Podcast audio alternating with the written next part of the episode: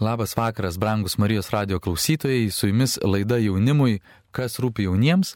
Ir prie mikrofono aš, Mantas Kuraitis, Kauno arkiviskupijos piligrimų centro vadovas. Ir aplink mane, su manim kartu yra būrys jaunų žmonių, nes laida yra jaunimui. Ir mes džiaugiamės, kad vėl galima dalintis, kalbėtis apie piligrimystę. Manau, kad tai ir rūpi daugeliu jaunų žmonių, kaip keliauti, ką patirti keliaujant.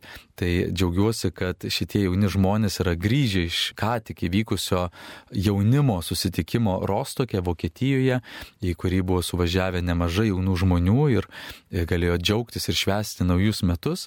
Tai galbūt truputėlį trumpai galėtumėt kiekvienas prisistatyti, pasakyti vardą ir ką veikėt gyvenime, tai mūsų klausytojams būtų smagu išgirsti, kas čia per auditoriją susirinko. Tai Miglė, koks tavo vardas? Mano vardas Miglė, ačiū man. Tai šiandien baigiau universitetą, studijavau ekonomiką ir laukiu naujo savo gyvenimo etapai. Girmantai, kaip tu? Tai ačiū tau, Miglė.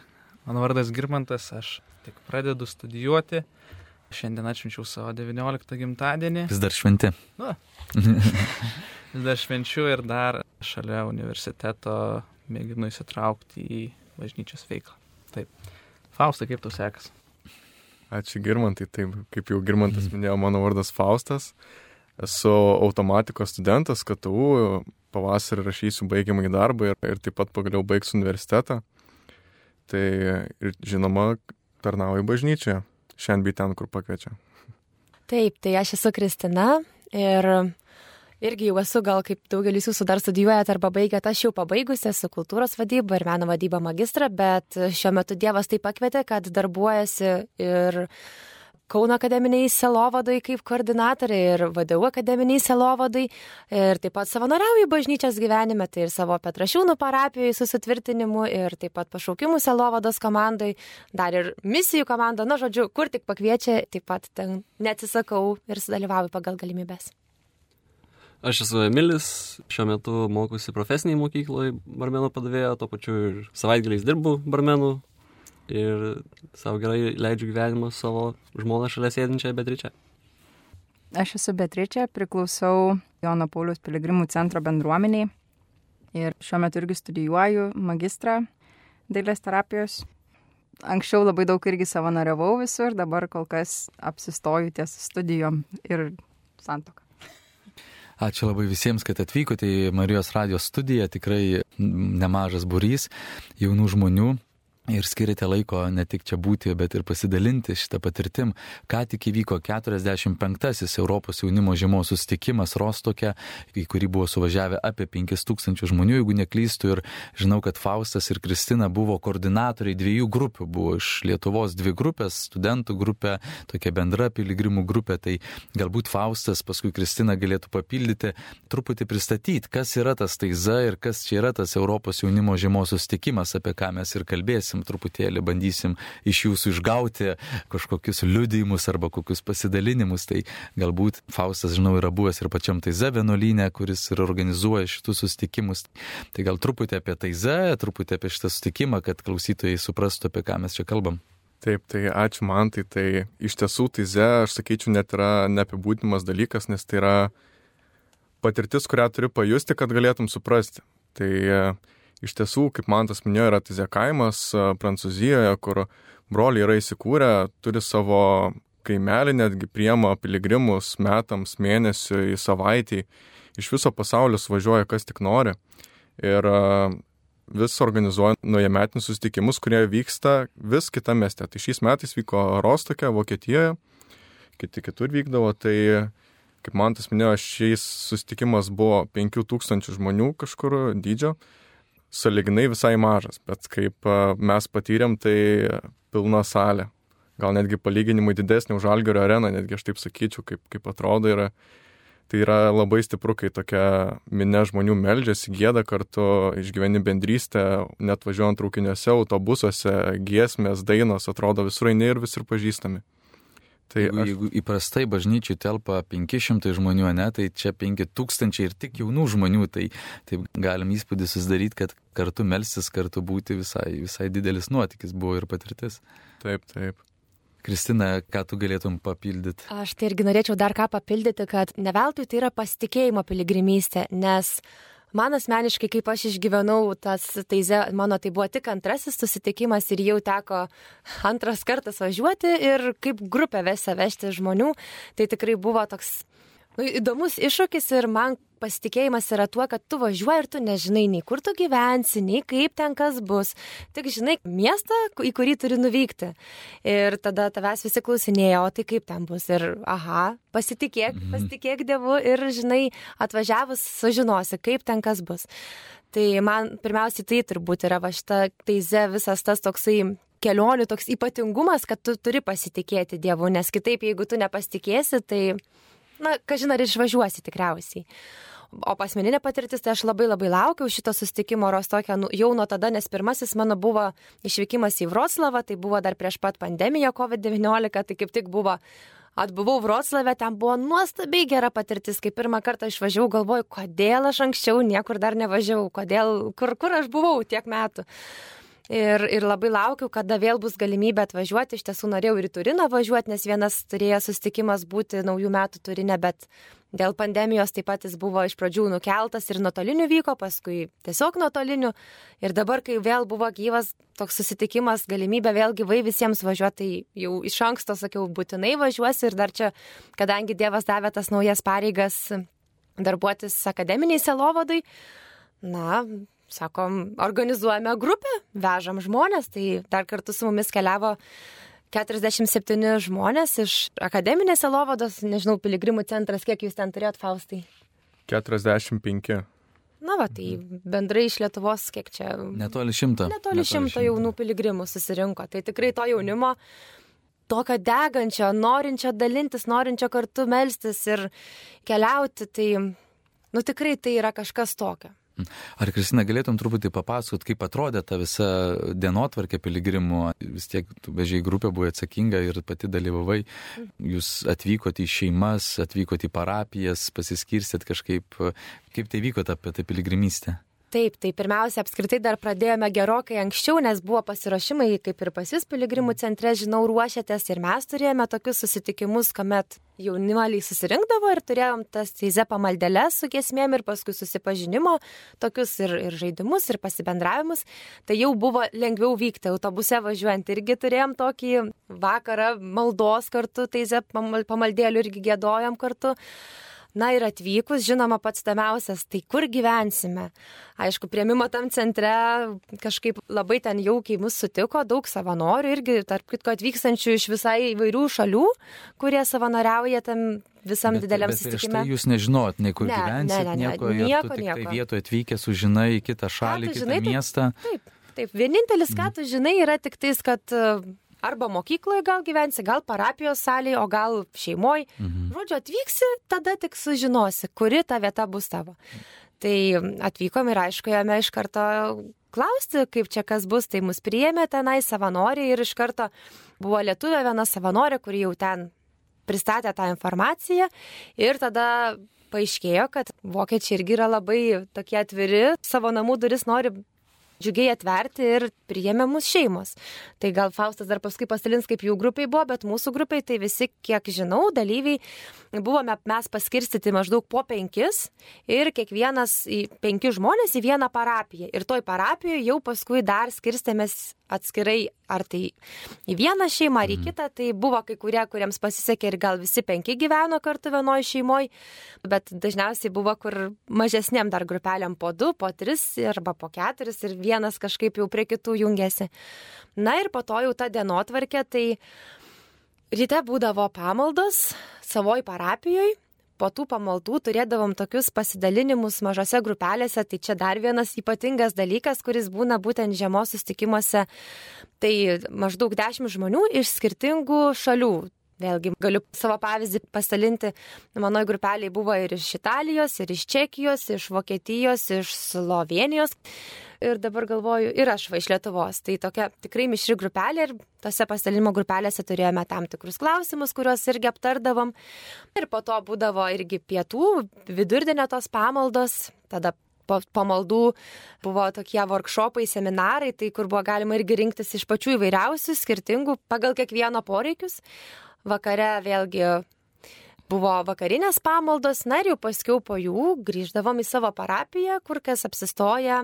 Na ir panašiai taip diena iš dienos, o dėl naujų metų sutikimo dar turbūt bus galima ir vėliau Taip, taip, taip, gali iš karto Ar ir pasidalinti. Iš karto galiu. Na, gerai, dalinuosi ir iš karto. Tai dar kas būna ypatingai, kad pas naujųjų metų sutikimas, ta 31 diena jinai irgi būna labai ypatinga, nes tą dieną kiekviena šalis turi savo šalies susitikimą. Tai visi, kurie, vat, mes lietuviai, tai tada irgi ir su piligrimų centro grupė susitikome, visi kartu turėjome vienoj bažnyčioje šventasias mišes kartu ir paskui dar tokį pasikalbėjimą, pasidalinimą tarpusavyje, kaip kiekvienas išgyveno tą laiką.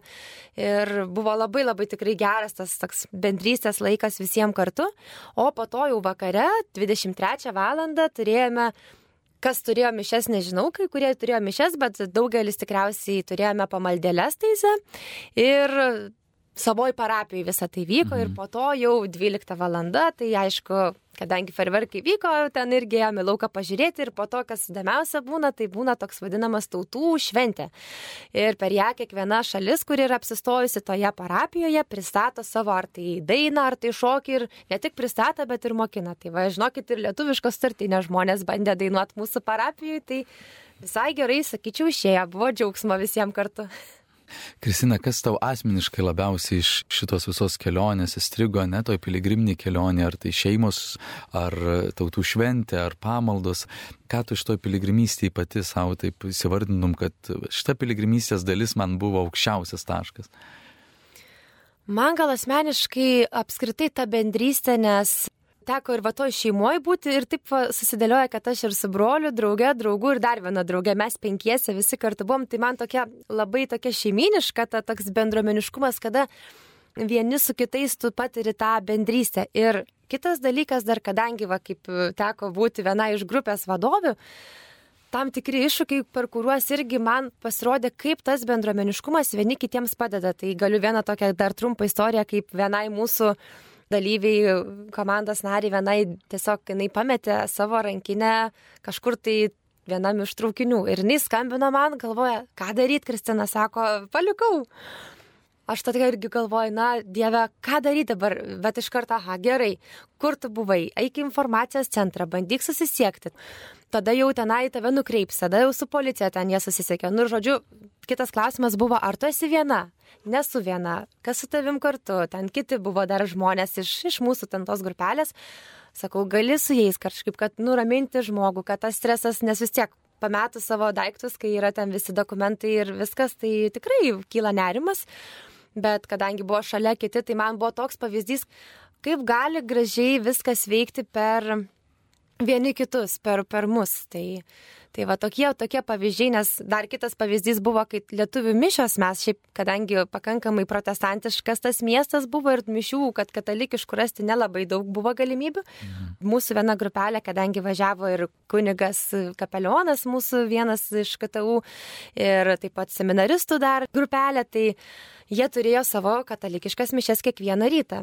Ir toks va irgi asmeniškai buvo labai gera, kai penktadienį, kada buvo šventosios šeimos minėjimo ta diena, šventė, mes taip norėjom nuvažiuoti tas mišes, bet jie labai anksti labai ryte turėjo jas kažkur jau be 15.8, kad dar suspėtų į tas pamaldėlės. O nuo tos vietos, kur mes gyvenom iki jų, buvo valanda laiko kelio. Tai mes nepatingėjom, kėlėme šeštą, kad atvažiuotumėm į tas rytmetinės mišes Ir prie šito dar vienas koksai stebuklingas dalykas, kur tikrai Dievo veikimas man buvo paliudimas, dar tokios dvi lietuvės moteris, kurios daugelį metų pačios veždavo grupės, bet jau dabar jau kaip ir pagal amžių nebeveža. Tiesiog irgi atvyko ir irgi susitiko atsitiktinai va Dievo tiesiog vedimu su tuo kunigu ir sakė irgi, norime mišes, tai mes taip susitikome, mes atvykome į tas mišes, jos atvyko į tas mišes ir turėjom kartu tokią tikrai nuostabią bendrystę, šventasias mišes kartu. Tai irgi yra labai svarbu ir gal šito dalyko šiek tiek pasigenda žmonės tų mišių šventųjų, ne tik kad pamaldėlių. Bet va būtent tokie akimirkos, tokie momentai man asmeniškai buvo labai brangus. Tai ta bendrystė kartu su savo ta grupelė, matymas, kaip vieni kitiems žmonės padeda, per tai Dievas irgi parodo savo gailestingumą. Ir žinoma, šventasios mišios, kurias, ačiū Dievui, pavyko atkeliauti ir Mes gyvendami Lietuvoje, mes turim prabangą, kad galim rinktis mišes čia iš ryto vienoje bažnyčioje, kitoje bažnyčioje ir kartais reikia išvažiuoti kitą miestą, į protestantiškai ypatingai miestą, kur tavo atrodo, kad malda yra, viskas gerai, bet vat, aš ne, ne vieną sugirdėjęs liudymą, kad sako, bet kur rasti mišes. Tai šitie, va, ta kartais ta piligrimystė išvažiuotų, supranti, ką tu turi kasdienybė. Tai ačiū Kristina labai. Girmantas savo gimtadienį švenčia ir, ir Girmantai norisi išgirsti iš tavęs, kas kas tau yra piligrimystė, kaip tu pradėjai savo galbūt piligrimystę ir atsidūrai čia šitam žiemos sustikime šiais metais net Vokietijai? Tai aš manau, ši mano piligrimystė prasidėjo mano atsivertimo kelioniai, kai tėvų vieną vasarą buvau truputį gal per prievartą išvežtas į piligrimų centro stovyklą, labai nenorėjau, nes ten reikėjo pasirodyti gyventi palapinėse, aš to nežinojau. Tai Tėvai sugeba taip kartais. Nesigilinant per nelygį tos kelionės detalės, pirmą savo tokią piligrimystę į užsienį išvažiavau prieš tris metus. Važiavau į Ktaizę kaimelį vasarą ir man tas didelį įspūdžio nepaliko, atsimenu. Todėl, nes tikriausiai važiavau uždaras tai bendrystį, kurią patiriam Ktaizė kaimelėje. Arba tėvai liepia irgi. Deja, ne. Tėvai kaip tik bandė atkalbėti. tai ir po to teko dar išvažiuoti į Tiberiados vienuolyną Belgijoje. Ta kelionė mane šiek tiek galbūt labiau palėtė, dėl to, nes ten nebuvo tokios masės jaunų žmonių. Labiau suartėjau galbūt su tiesiog kelionės ekipažu, nes važiavam kiek šešiesi ar septyniesi autobusiuku. Tai buvo tikrai kažkas labai brangaus. Pats žodis piligrimystė man iš karto primena vieną labai gražią giesmę, kad viešpatyk manęs ieškoti. Tai piligrimystė mes darom atvirkščiai. Leidžiamės kažkur toli, galbūt kur nežinom, ieškot patys viešpaties. Ar tai jo žodžio, ar kažkokios tiesos, vis dėlto kartais, ne kartais, o visada piligrimystė ateinam su tam tikra intencija. Aš šįmet važiuodamas į tą susitikimą su intencija irgi atėjau, netgi su keliomis, ir gavau visiškai ne tai, ko tikėjausi. Tai man čia buvo iš tikrųjų pirmasis Taizės susitikimas, pirmasis žiemos susitikimas.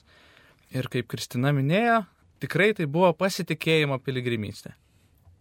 Aš asmeniškai žinau tikrai labai nedaug, nors ir atrodo galima googlintis apie tą Rostoko miestą, kad va, didesnis už Kaunai, o gyventojai kaip Klaipėdoj.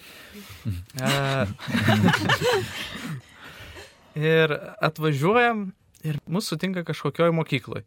Gerai galvoju, šitas gal truputėlį keista kaip čia mes įsitilpsime. nu, ir tokie klausimai iš karto ir kildavo, arba ten nuvažiavus į prieimimo pasitikimą, visada klausimas, o tai kada čia mus prims, kada mūsų eilė, kur mes būsim. Tokio daug didelio rūpešio, kas, manau, labai mokė arba labai prašė pasitikėjimo ir kantrybės. Tai va, toliau tęsiant, aš asmeniškai didžiausias šitos piligrimystės stebuklą išgyvenau būtent per naujųjų metų vigiliją už taiką. Mes melėme žvakių šviesoje, sėdėjome visi tose savo parapijose ir, nu, manau, dažnai įprasta, kad atėjusi tokį didelį žmonių būrį, visi tarpusavį jaučiamės šiek tiek svetimi. Tas ten iš tos valstybės, kitas iš kitos, aš jo nepažįstu, aš nesu savas. Ir atsimenu puikiai tą patį momentą, kai mes gėdam vis skirtingas giesmes, pasijutau čia labai savas pasijutau, lik esu čia, savo vietoj, bažnyčiai, kur nieko nepažįstu. Ir čia yra tikriausiai man stipriausiai išlikęs atsiminimas po šito žymos sustikimo, kad pasidariau užtikrintas, jog aš tikrai esu savo vietoj, tikrai esu bažnyčiai. Ir aš manau, ta mūsų tokia būtent piligrimystės kelionė iš tikrųjų tęsiasi visada. Nėra būtina išvažiuoti į užsienį, tiesiog save būtina tikriausiai toliau vis pastumti, kad ieškoti vis toliau. Tai tokia ta mano piligrimystė ta patirtis, kur atrodo tų žmonių nepažįsti, bet jie yra tavo šeima, nes jie yra ne tik, kad krikščionis, bet kartu tu meldies. Tai mes šeimoje visada kalbam, kad e, atrodo malda yra intimiausias dalykas. Jeigu tu kartu meldies, tai atrodo, tu jau esi ta tikrai šeima. Ne? Tai, tai ačiū tau labai girmantai už tavo pasidalinimą, už tą vienybę, už tą pasitikėjimą. Aš turiu kaip tik irgi knygutę, kuri buvo išleista, tai Zerostok ir netgi pats pavadinimas yra šios kelionės pas pasitikėjimo piligrimystę žemėje. Ir žinau, kad Faustui tikrai nemažai reikėjo irgi pasitikėti, jis buvo irgi grupės vadovas ir į žiemos sutikimą, jeigu neklystu, irgi pirmą kartą važiavo, yra buvęs taize, bet kaip pasitikėti, vežti grupę, ne, lydėti kitus jaunus žmonės. Faustai, kaip tau ta piligrimystė tavo gyvenime, kuri atvedė iki, iki šitokio pasitikėjimo, gal per savo tokią asmenišką patirtį galėtum pasidalinti? Taip, tai kas man yra piligrimystė? Iš tiesų, aš dar saliginai neseniai esu atsivertęs, kokie 2 ar 3 metai. Ir iš tiesų turbūt pirmą kartą per šį laiką išgirdau apie taizę, bet taip išgirdau, nes visą laiką girdėdavau, bet neišgirdau, nes visi, o, važiuojame taizę, čia fainai, čia važiuoja didelė grupė, daug lietuvių, bendruomenė, bet man tai nieko nesakydavo. Tik neseniai aš išgirdau, kad tikrai galbūt taizė yra smagi vieta, kur nuvažiuoti. Ir labiausiai užsimaniau važiuoti tada, kai mano dar tuo metu busima sužadėtinė, kai jau planavau pirštis, pasidalino, kad jai yra labai brangus taize.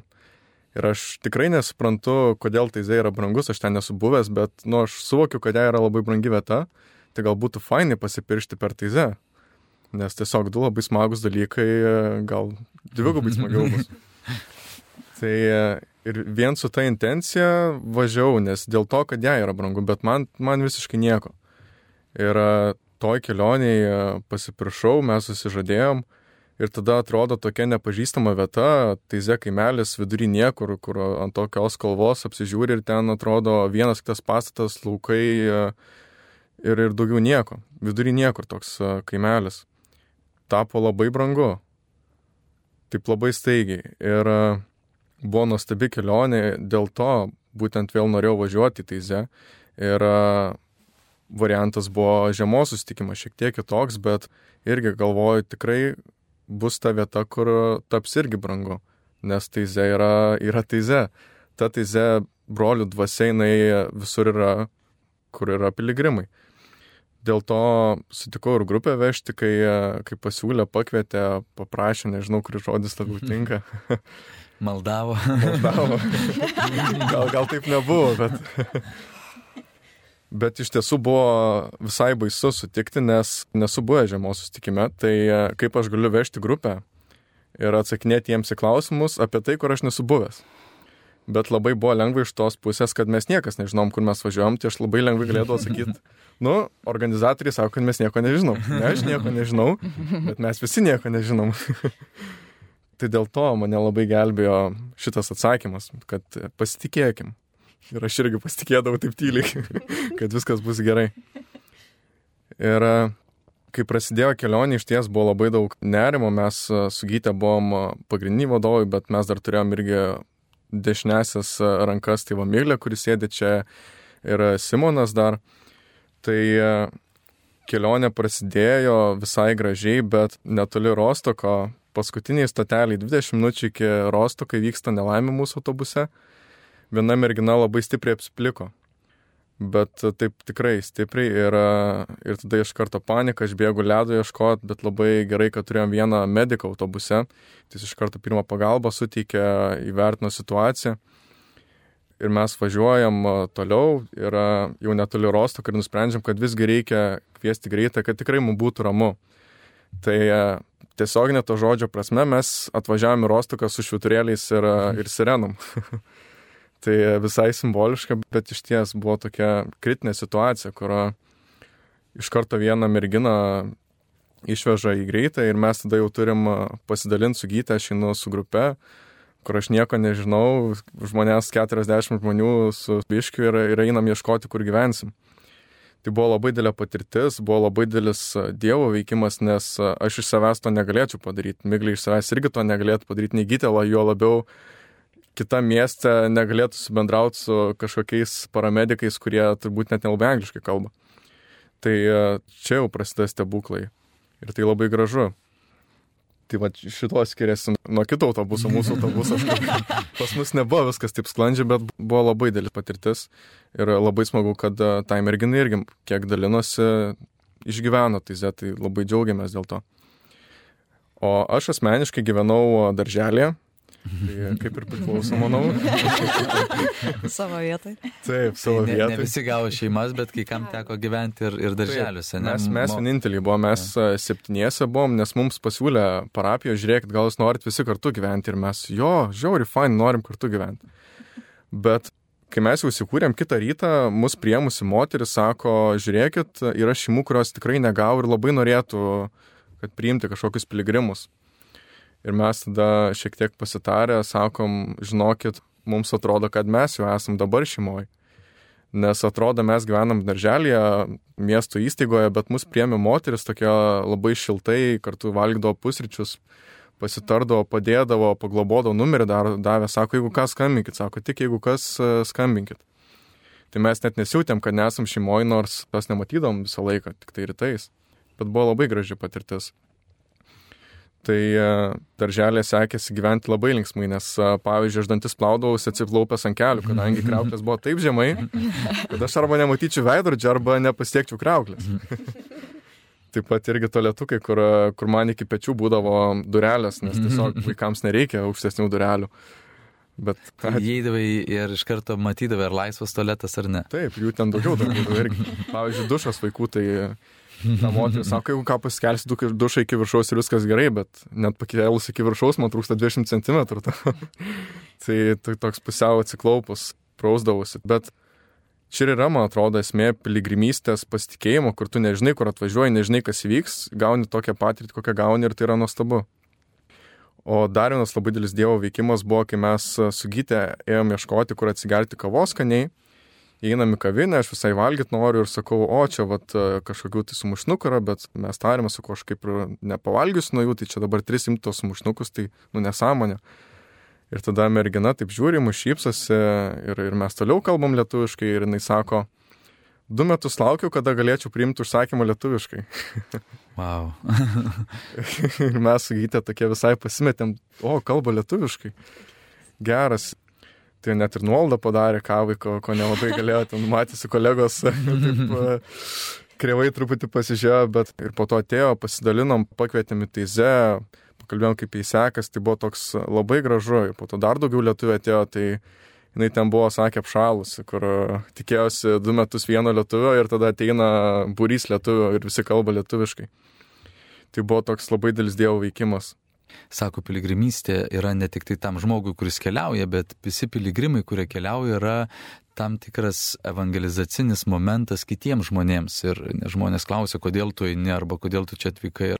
Tai, tai ši, šitą istoriją, manau, tikrai atspindi tą piligrimo teorinę dalį, kuri, kur jūs keliaudami ne tik dėl savęs, bet ir tie žmonės, kurie jūs sutikdavo irgi nustebdavo ir, ir Dievas galbūt kažkaip gražiai tai merginai atvedė jūs į tą kavinę. Taip, taip. Tai va. Tai ačiū labai Faustai, kad tu pasirižai lydėti grupę ir nuo iššūkių iki, iki malonių akimirkų ir džiaugsmų. Tai tikrai ačiū, kad jauni žmonės lydi jaunų žmonės, ne, irgi tai yra tai za vienas iš principų. Mes turime padaryti trumpą pertraukėlę, muzikinę pertraukėlę, pasiklausyti giesmės ir po jos vėl grįšim, nes šalia manęs dar sėdi žmonių, kurie nesidalino ir tikimės, kad jie irgi pasidalins, kokia jų patirtis yra taizė sutikime. Bye.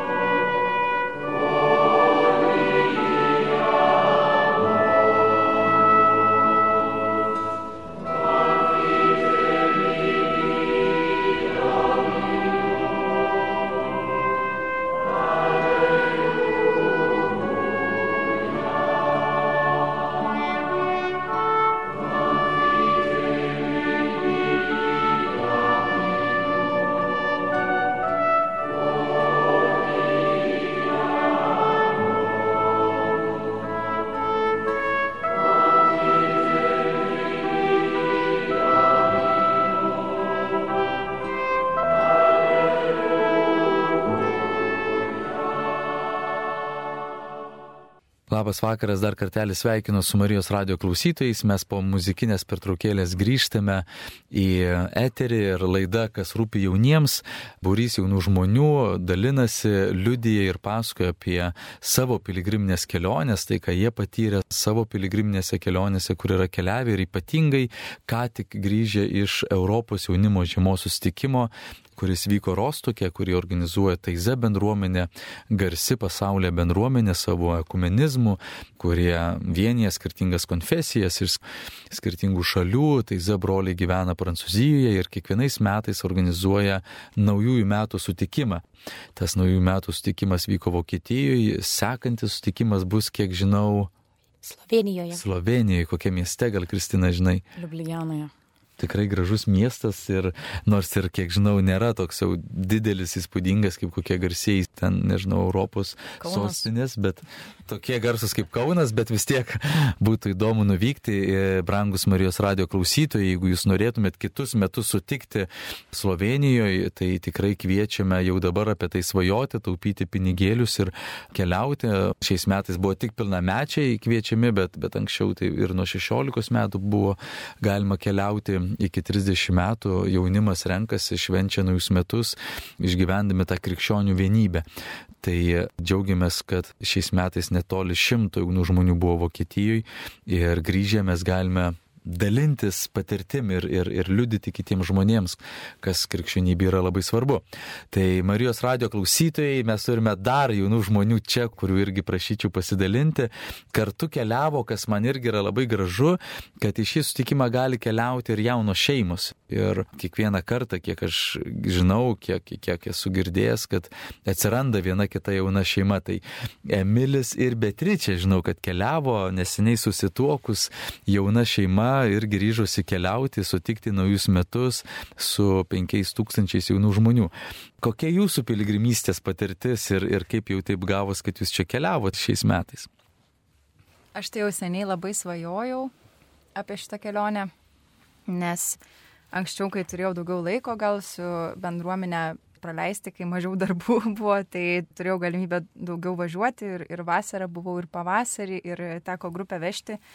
Tai man teize buvo tokia nostalgiški gražus prisiminimai ir tokia tikrai daug e, išgyvento savarankiško tokios Dievo patirties, kur tokio apsisprendimo daug laiko ten įvykdavo mano. Tai labai norėjau nuvažiuoti ir tuo pačiu norėjau Emilį supažindinti su teize, nes jisai niekada nebuvo buvęs prieš tai. Ir įkalbėjau važiuoti. nelabai reikėjo įkalbinti, tiesiog sakiau pasimk laisvę ir sakė gerai. ir džiaugiuosi, kad atvira širdim taip sutiko važiuoti su manim. Ir aš tik užsiminiau, kad važiuosim autobusu, o neskrisim ten niekur ilgai žodžiu ir kad nežinosim, kur ten keliaujam. Tai džiaugiuosi, kad jisai su viskuo sutiko. Tai tikrai man išvažiavus buvo labai smagu ir aš taip sąžininkai pasakius, turėjau aukštus lūkesčius ir daug visko tikėjausi, nes buvau ne pirmą kartą ir e, vis daug kartų, kai buvau, buvo labai gera ir kai buvau prieš tai, gavau ten nuostabės sąlygas ir šeimą, tai aš taip jau važiavau su mintim, kad čia mes nuostabiai laiką praleisim, gyvensim labai gerai. Nu, taip ir buvo, bet susidūrėm su juokingom gal tokiom patirtimis, kad iš pradžių mus palaikė grupė ukrainiečių, kai mes atsiskyrėm, buvo irgi mūsų penki, tai mes dviese ir dar buvo trys žmonės iš mūsų autobuso.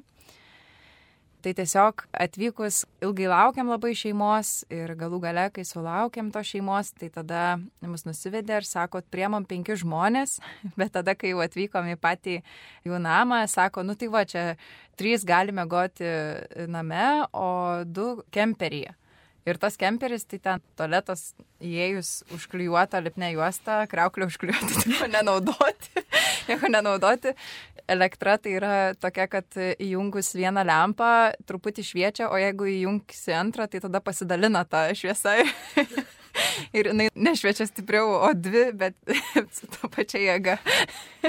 Žodžiu, tai aš taip labai, kaip čia, nelabai norėjau tokiais, ne, nu taip sakiau čia, sako, nu tai rinkitės, kur čia kas gyvenat ir mes taip.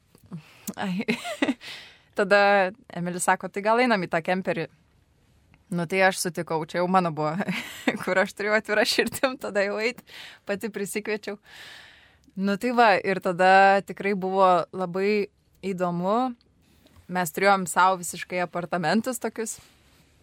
Ir turėdavom eiti į tualetą ir visų ten praustis į, į patį namą. Ir buvo labai tikrai, irgi sakyčiau, per tą tokį nelabai patogumą, tokia graži patirtis. Nes nieko atrodo netrūko tam kemperyje. Nei ten reikėjo nieko, ko ten įsivaizdavau, kad man truks. Tai čia tokia, su tokia gal nepatogumai susijus. O šiaip tai pats teize, tai labai džiaugiuosi dėl Biblijos grupelių. Kaip ir Girmantas minėjo, kad visi tokie atrodo ten svetimi ir, ir nepažįstami. Mes kartuojam į vieną Biblijos grupelę. Tai buvo toks nuostabus jausmas pamatyti kitus žmonės, jaunus irgi dalinantis apie Dievą. Ir mes turėjom ukrainietį savo grupelėje. Ir buvo labai gera su juo kalbėtis ir matyti, kiek jisai, ta patirtis su juo kalbant, davė tokio suvokimo, kiek mes esam laimingi ir, ir kiek jisai gali džiaugtis ir sako, aš negaliu būti, aš negaliu, sako, net liūdnas būti, negaliu būti nelaimingas, sako, mano žmonės kovoja, o aš čia, teize susitikime, sako, su jumis sėdžiu. Tai tikrai tokio, to susikalbėjimo tarp kitų jaunų žmonių ir kaip vienas mūsų autobuse pasakė žmogus Andrius, kad ten nuvažiavę šiek tiek pamatai, kokiam dideliam dalykui priklausai, kokia tai yra didelė šeima. Tai nėra toks, atrodo, vat vietinis, tai didžiulė, didžiulė šeima su visokiausiai žmonėm. Tai va tokia man yra teize. Ir teize prieš pat kelionės galą, gal sakyčiau, aš turėjau tokią dovaną išgyventi labai didelį tokį mūsų dviejų kaip e, sutuoktinių ir mūsų patirties per šitą trumpą laiką, kiek mes esam susituokę, visko daug įvyko ir e, turėjom labai stiprią patirtį. Gal tu čia nori daugiau pasakyti? Nežinau, ar pradėti labiau nuo savo patirties būtent apie šį dalyką, ar šiaip. Čia bendrai... Beatričia gražiai įvedė į šitą gražią patirtį. ar palikti vėlesniam. gali, gali pradėti kito patogu. Tai šiaip kalbėti apie patį Taizę gal pradėsiu, kaip aš atkeliavau ir kaip čia mane kalbėjo. Tai aš tos Taizę kelionės, aš, aš jų nelabai pažinojau, kaip ir sakė, man ten visiškai nauja buvo. Žinojau, kad tokios yra ir irgi, kaip Faustas mini, kad yra žmogus, kuris tau svarbus ir žinai, kad Taizė kelionė tam žmogus irgi svarbus dalykas. Tai manęs kaip paprašė keliauti kartu, aš tokią lengvą ranką sutikau, nežinau, kad jai yra svarbu, tai aš tikrai neprieštrausiu, tenais, kad sako, kaip bus kaip piligrimystė, tai įsivaizdavau, kad, a, tai čia, nu, va, koks nors sunkesnis gyvenimas, gal ten patogumų visų nebus, bet kažkaip to neišsigandau, jau irgi stovyklos nenaujas dalykas, tai irgi buvo tikrai nebaisu. Tai taip, miela ranka ir iškeliavau. Tenais dėl to apgyvenimo, tai irgi, kad kemperį gyventai, galvoju, nu tai jeigu jau manęs paprašė, kad gyventume be patogumų, Tai galvoju, aš irgi jos prašysiu tikrai, kad be patogumų gyventų. jeigu, jeigu, jeigu jau čia tai pakvietė ir Taip, sakė. Aš irgi ją, ją pakviečiau į mažą piligrimystę. Piligrimystėje. Tai šitas ir šitas, dėl mūsų kokia šeima prieimė, tai iš tikrųjų, nors tikėjausi jo piligrimystės, kad bus sunku, tenais kitaip, kaip mes gyvenom, tai jaučiausi visai kaip karalius, nes ten, nu ten tik tais, kad tas kemperis toksai buvo, kur tulikas truputėlį toliau, o vis tiek pačiam kemperį mažai būnint, ten tik pernakvoji ir visą dieną leidi mieste arba kartu su savo šeima. Tai kažkaip net nesijautė, kad kažkokių didelių nepatogumų yra. Kad dar apibendrint, kaip pačią piligrimystę dar mačiau, tai nežinau kaip tiksliai ją įvardint, bet gal toks labai praktiškas žmogiškas dalykas būtų kaip, kaip va, pilt peroksidą ant žaizdos. Nu, aš žinau, kad bus nemalonu, bet aš kažkaip galvoju, kad vis tiek bus sveika. Ir tikrai taip ir buvo, nes galvoju, ta, atsisakant daug tų visokių patogumų, tiesiog pabūt tokioj menkoj, kančioj, kur galiu pagalvoti apie gyvenimą, apie savo sprendimus ir kaip aš toliau keliausiu, labai, labai padeda tenais sėdėti rytinėse pamaldose ar, ar kitose pamaldose, mišiose, mano dar tas tikėjimo kelias yra toks labai šviežias, naujas. Ir aš ten, ne aš ten labai baisiai gaudaus, aš šiaip suvokiu, kas yra mišios, aš gyvenau religiniai šeimoje, esu iš religinės mokyklos, bet va, kad, kad giliai tą suprasčiau, to dar nėra. Tai sėdėti tokioj momente, kur tiesiog vyksta kažkokios pamaldos, nieko nesuprantu, ką čia meldžias, ką čia gėdoja, bet kažkaip vis tiek tokie vai minčių pasninkė, kur visi jutiminiai organai truputėlį turi nusiraminti ir aš turiu pasidėti ramiai, kažkaip buvo labai, labai sveika. Mintis privalo. Įsitrepsiu, kad važiavau su intencija, kad Dievas atvertų kažkokią, nu, aki, ne tai kad akis, bet ne, parodytų galbūt savo būdu veiktų, kad parodytų Emiliui kažkaip save, kaip jau ten sugalvos jisai. Ir e, aš tik tai gal vėliau kelionės pačiam gale, nes vidury buvo tokio nusivylimos, galvojau, nelabai čia jam įdomu, nelabai čia jam patinka ir gal natūralu. Nes man tai čia toks gyvenimo būdas, atrodo, lyg galėtų ir būti. Ir pačiam gale kelionės supratau, kad šitoj kelioniai nieko Dievas negalėjo gražiau parinkti mum, kaip tą šeimą, kurioje mes esam. Aš padarysiu tokį įvadą, nes Po mūsų vestuvių mėnesį laiko mirė Emilio tėtis, sirgo vėžių ir tai mums buvo labai stiprus išgyvenimai. Ir Emilio tėtis turėjo kojos, jam nebe, nebefunkcionavo po operacijos ir vis silpo ir silpo. Ir mes atvykom į šeimą, kurie neturėjo vaikų, bet labai mėly tokie žmonės du susituokę ir mes kalbėjom daug apie šokius, nes ir mes šokam, ir jie šoka. Ir jie turėjo tokį šuniuką, didelį šunį iš tikrųjų, kurį augino 17 metų.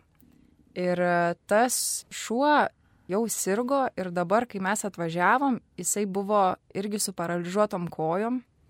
Ir jisai ten labai sunkiai vaikščiojo. Ir toks atrodo, iš pradžio aš net tų dalykų nesuvedžiau, atrodo tiesiog augintinis.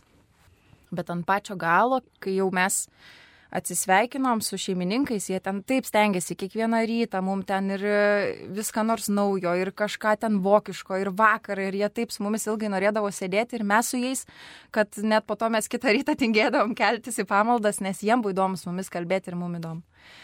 Ir ant galo aš gavau tokį įkvėpimą kažkokį, net negaliu paaiškinti. Aš užsimaniau nupiešti to šuns portretą. Ir aš nupiešiau. ir mes iš, ir jis atsveikinant padovanojau. Ir įvyko labai toksai, gavosi, kad šeimininkai labai susigaudino ir atnešė šuniuko pasą, kur parodyta, kaip jisai jaunas atrodė. Ir sako, tu nupiešiai sveiką šunį, nebe tą, nes jau 17 metų, kai vaiką tą šuniuką augina. Ir atrodo, gal juokinga būtų suvesti šunį, ne su tėčiu, bet gale kelionės atrodo, kad mes kartu su tais žmonėmis, nes po to verkiam ten atsisveikinant, išgyvenom tą patį, tą patį skausmą vėl. Ir tuo pačiu dviese išgyvenom. Ta visą pasilikę po to laukdami autobuso, tą visą skausmą iškėlėm ir atrodo, mums taip kruopščiai parinko, visi interesai su ta pora mūsų sutampa, net kokteilius ten gaminant, ta prasme, taip kruopščiai parinko tą šeimą ir atrodo, kad niekaip geriau Dievas negalėjo veikti, kur atrodo net visiškai tokiais būdais. Tai va tokia, nežinau, ar tu nori kažką dar pridurti prie šitą. Net nežinau, ką pridurti tenais. Buvo jo toksai sunkus momentas. Iš tikrųjų, tai kai buvo atneštas tas pasas to jauno šuniuko, tikrai šeimininkų akise matės tas pats skausmas, kurį matėm mes su savo šeima, kai jau žinojom, kas artėja su dėčio mirtimi. Tai buvo tiesiog išgyvenimas tos pačios akimirkos vėl. Tai buvo toks, nu, skaudus momentas, bet, bet tikrai, va, aš džiaugiuosi, kad Beatričia buvo šalia, kažkaip kartu tą ir išgyvenom. Ir, ir iš tikrųjų, jo, juokėmės tom, kad labai jokinga yra suvesti savo tėtį su šuniu, bet tada prisiminiau, kokia jokinga situacija buvo, kai kol mano tėtis sirgo, mes su Beatričia buvom išvykę į Graikiją trumpam, tenais aš nupirkau jam vaikščiojimo lasdą, pasiremti. Ir ta lasda, jos pati viršūnė yra šuns galva. Ir nais grįždami atgal mes ją palikom Graikijoje, ten per klaidą, aš po to ją galiausiai susigražinau, bet jau grįžo jinai per vėlai ir niekada negavau jos padovanot. Ir taip kažkaip tie du dalykai dar suvedė, tai iš viso ten labai stipriai paveikė. Ir atrodo toks dalykas, kad teize mums davė žmonės kitam pasaulio krašte, su kuriais mes galėjom susivienyti savo tokia kaip ir kančia ir to pačiu džiaugsmu. Ir jie sakė, mes už tai pirmą kartą tik priemėm žmonės ir niekada anksčiau nepriemėm, nes sako, skauda yra paleisti, nes nu tikrai labai suvienijo tas išgyvenimas. Tai čia tokia mūsų patirtis buvo stipri. Ačiū labai, man, ko gero, gražiausia Emilio žodžiai, kad piligrimystė, atradot piligrimystę, ne? Iš tikrųjų, kad kartais toj piligrimystėje mes keliaujam, bet, bet netrandam, kartais piligrimystė reikia ieškoti piligrimystės. Ačiū labai už jūsų jautrų pasidalinimą ir, ir ko gero pabaigai, Miglė, norėtume tave paklausti, tavo galbūt visai kitokia piligrimystė, tu žinau, kad jau nuo mažens keliauji, esi buvus taize daug kartų, gal galėtum pasidalinti, kodėl čia šį kartą vykai, žinau, kad ir padėjai grupiai keliauti, ne, kokie tavo iššūkiai, džiaugsmai piligrimystės. Tai taip, iš tikrųjų, aš į Taizę atvykau būdama visai maža, kokių 5-6 metų. Aš pati labai mažai prisimenu iš tos Taizę, nes kaip Girmantas stovyklai paliko tėvai, taip mane į Taizę nusivedė tėvai. Nusivežė ir, ir aš atsimenu tik du dalykus. Vieną, tai kad aš nesupratau, kodėl jie geria kakavą iš blidelių, nes man tai tiesą pasakius atrodė šiek tiek vaila. Ir kitą dalyką, ką atsimenu, tai kažkokiam vaikui aš sugebėjau smėlio akis privaryti, nes jisai mano brolių mušė. Tai aš tiesiog, nu, labai daug atsiminimų iš tos teizė ir tokių labai, labai gražus, stiprių. sakyčiau, tikrai. Gražus, Tokie jautrūs ir- ir daug- tokie. Bet labai įdomus dalykas, nes aš iš tos teize parsivežiau tokį, kaip dabar atsimenu, tokį didžiulį raudoną teize kryželį. Ir aš kažkaip pamiršau, nu aš augau kartu su šeima, vaikščiau į bažnyčią, bet kažkaip niekada to neatsiminiau. Bet kažkada besitvarkydama bibliotekoje namie, retas atvejis, mano tėvai gali patvirtinti, radau tokį raudoną kryželį ir aš tada prisiminiau tą teizę kelionę. Ir koks buvo, kažkaip man atėjo teizė giesmės ir aš pagalvojau, mano tėvam tai buvo labai svarbi vieta. Ir aš pagalvojau, kad aš irgi visai noriu aplankyti. Tai taip aš išvažiavau teizę kartu su piligrimų centru. Ir išgyvenau ten labai labai gražų momentą. Aš iš tikrųjų vėl iš naujo atsiverčiau, vėl iš naujo atradau viešpatį. Ir dėl to man gal teizė ir yra tokia brangi vieta. Ir teizė žiemos susitikimai kažkaip irgi įsiliejo, nes atrodo, vieną kartą važiavau į teizę kaimelį, kitą kartą ir tada kažkaip atsirado tie teizė susitikimai. Tai šitas man jau buvo ketvirtas žiemos teizė susitikimas, tai aš jų tokia jau truputėlį fane darausi. Ir galvoju, kad paskutinį kartą susitikimas kuriame aš buvau, vyko Vroclave 2019 metais. Ir man tai jau buvo tapę taip truputėlį įprasta, kad atrodo, kiekvienais metais, nauji metai man bus taize, kažkur kitam Europos mieste. Aš kažkaip net nesuvokiau, kad po pandemijos aš buvau taip pasilgus taize, to tokio šurmulio, atrodo, bendros maldos, tos besimeldžiančios minios, tų šeimų, tos tokio visiškai pasitikėjimo viskuo. Ir aš gal šį kartą taize ką labiausiai išgyvenau ir kaip viešpatė atradau, kad kaip gera yra atverti savo širdį ir kaip gera, kai kiti tau atveria savo širdį. Ir man tikrai tame buvo toks gabalėlis dangaus. Aš įsivaizduoju, kad taip ir yra, kai mes dalinamės kartu, galim patirti dangų. Ir man tai šita pasitikėjimo piligrimystė buvo tikrai tokia labai pasitikėjimo. Aš atsimenu, kad nelabai galėjau mėgoti autobuse. Mes kažkaip važiavom 18 valandų man buvo labai sunku ir mes ryte atvažiuojam, aš kokią valandą miegojus, tada ten greitosios situacija jau gal šiek tiek buvo girdėta anksčiau. Ir atrodo, aš visą naktį negalėjau miegot. Tai ką aš dariau, galvoju, na gerai, aš jau čia kaip etatinė taize važiuotoja, padėsiu grupiai, surasiu transportą, pasirūpinsiu, kad mes galėtumėm kartu važiuoti. Man pačiai buvo neramu, kaip ten bus, ar čia kuo čia reikia naudot, kur čia tie autobusai, kur čia tie tramvajai. Ir žodžiu, viską suradau aš tą naktį, nu, pamiegojau ten tą valandą, atvažiuojam ir pirmas dalykas, ką pasako mums per prieimimą, tai kad nesinaudokit savo žemėlapiais. Ir galvoju, o ne, galvoju, tai kaip jūs, jūs duoda tokį keistą, nes jie duoda ant A4 formato lapą atspausdintą tokį žemėlapį, kuris yra ne tai, kad screenshotas, ekrano nuotrauka, bet tai yra tiesiog nupieštas ranka žemėlapis. Ir aš galvoju, jūs juokaujat. Ir atrodo, kartu su dar keturiom merginom mes turim rasti savo parapiją ir, ir, ir mes kažkaip bandom vadovautis tuo žemėlapiu, bet jis toks neaiškus ir mes atrodo einam ir aš galvoju, nu, aš nežinau, kur aš veduosi tas merginas, nes aš pati nežinau, kur einu ir net nežinau, kaip reaguoti bet kažkaip atrodo ant kiekvieno kampo, kai aš jau nebežinodavau, kur eit, arba nueidavau tikrai ne į tą pusę, mūsų laukdavo žmonės. Ir pavyzdžiui, net sutikau tą brolį, kuris piešė tą žemėlapį, jis aišku, jis aišku manęs atsiprašė, bet e, labai įdomu, jisai sako, o jo, aš piešiau, atsiprašau. Tau reiktų eiti čia, čia toks kambarys turėtų būti, nueinam, nėra to kambario. Na, žodžiu, tai tokia labai labai ilga diena ir mes tikrai tiek pavargom, tiek laukiam. Ir e, į tą parapiją nusigavom po paros laiko ir tiesiog jau atvažiuojam, nu ir per anksti atvažiuojam, laukiam ant lietaus, aš esu visiškai pervargus, pavargus. Ir galvoju, bet tai reikia šipsotis, nes čia dar yra, su manim dar yra keturios merginos, kurios yra pirmą kartą ir aš turiu apsimest, kad viskas yra gerai šiuo momentu. Ir tikrai buvo tokios, na aš galvoju, nu dieve, nu jau, kad tik šeimą gautumėm, kad tik šeimą. Ir mes žinom tik pavardę ir galvoju, kad tik būtų gera šeima. Ta prasme, mes visi norim papulti kažkokią fainą šeimą. Ir kažkaip atėjo, pasitiko mus moteris, parsivedė namo ir man pirma mintis, jinai taip sunkiai kalba angliškai ir galvoju, o ne. Nu tai dar ir nesusikalbėsim prie viso ko, aš nežinau, kur gyvenu, mes gyvenam už valandą su pusę nuo Rostoko ir aš galvoju, nu, nu kodėl. ir kaip įdomu, nes atrodo Dievas, nu tikrai surado tą šeimą visiškai mums, nes atrodo ta šeima, jie taip mūsų laukia, kad jie kiekvieną vakarą mums gamindavo vakarienę mes su jais atrodo kalbėdavom irgi po keletą valandų.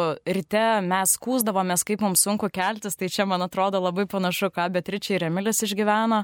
Nu tiesiog toks atrodo labai gera sutikti draugų, atrodo, tu net nežinai, kad jų turi, bet tokia lik šeima, tikrai, tiesiog turi savo šeimą Ir ten būdavo tokia, kaip mūsų sesė, tokia 13 metų mergina Izabela, kuri laukdavo mūsų kiekvieną vakarą, tada ateidavo pas mus į lovas, mes ten kalbėdavom, nu toks atrodo visiškai, visiškai šeima. Tai aš kažkaip tikrai ir, ir man, aš kaip pagalvoju dabar apie šitą teizę susitikimą, tai kas man stovi akise, tai yra tos mūsų mamytės, aš sakyčiau, akis. Aš kažkaip tikrai atsimenu tokį visiškai aš nežinau, ar jūs esate turėję tokį momentą, kai atrodo žiūri į žmogų, bet tu matai jo širdį, akise. Tai aš kažkaip tikrai išgyvenau tą, nes atrodo, jinai mumis visiškai pasirūpino ir ne tik mumis, kurios ten gyvenom pas ją, bet taip pat ir jinai buvo vaistininkė vienintelė miestelio ir, ir lygiai taip pat davė vaistų mūsų grupės vienai nariai. Tai tokiu atrodo daug, daug gražių dalykų. Bet aš atsimenu, ką jinai sakė, jinai kažkaip labai gražiai kalbėjo apie tai, kad aš atvėriau jums širdį, tai ir jūs atverkit kitiems. Ir, ir man tikrai kažkaip kad apie tai yra dangus ir aš tikrai tą išgyvenau šioje piligrimystėje. Ačiū labai mygliai ir ačiū visiems. Aš matau, kad mūsų laikas jau visiškai į pabaigą. Jeigu dar kažkas kažką prisiminė, gali pasakyti, pasidalinti e, trumpai. Aš tik trumpai dar norėjau irgi pasidalinti, va kaip gražiai ir Miglė dalinosi, tai man dar tas va, išgyvenimas šitos kelionės ypatingai buvo tai, kad sugebėjimas Dievas davė tokią malonę patirti čia ir dabar, nes dažnai mes būna skubame ir gyvename arba kažkokiose savo rūpeščiuose kasdienybėje, arba jau galvojame, kas bus toliau, o man dar va šią kelionę Dievas davė būtent šitą malonę, išbūti čia ir dabar. Ir kitas dar toks prisiminimas, va kaip irgi dalinotės, va irgi tu dalinaisi, kad paskutinis buvo susitikimas Vroclave. Man lygiai taip pat jis irgi buvo paskutinis Vroclave ir atsimenu, būtent teize susitikimai, tos pamaldėlės iš tiesų padėjo išgyventi dalį pirmojo karantino, kadangi broliai transliavo net ir nuotoliniu, tai vienas iš tokių buvo nu malda, ta malda, jinai kažką tokio turi, kas suvienyje ir padeda išgyventi net ir sunkiausius etapus. Tai ačiū Jums labai ir geriausiai, ko gero, patirti piligrimystę, tai yra liudyti ją. Tai ačiū Jums, kad Jūs liudijot, teoriškai labai sunku kalbėti apie ją, bet e, džiaugiamės, kad Jūs pasidalinote, ką Jūs išgyvenote. Brangus Marijos radio klausytojai, kviečiame ir Jūs leisis į piligrimystę, ypatingai jaunus žmonės ir per Velykas keliauti taiza ir vasarą. Žinau, kad bus susitikimai ir pasaulio jaunimo dienos, į kurias galima jau registruotis ir keliauti į Lisaboną, į Portugaliją. E, taip pat žinau, kad ir rugsėjo 30 dieną jau tai zebroliai sakė, pasižymėkite savo kalendoriuose, bus ypatingas ekumeninis sustikimas Romoje, tai tų sustikimų tikrai bus nemažai ir kiti metai, kurioj šalyje? Bus Slovenijoje. Slovenijai.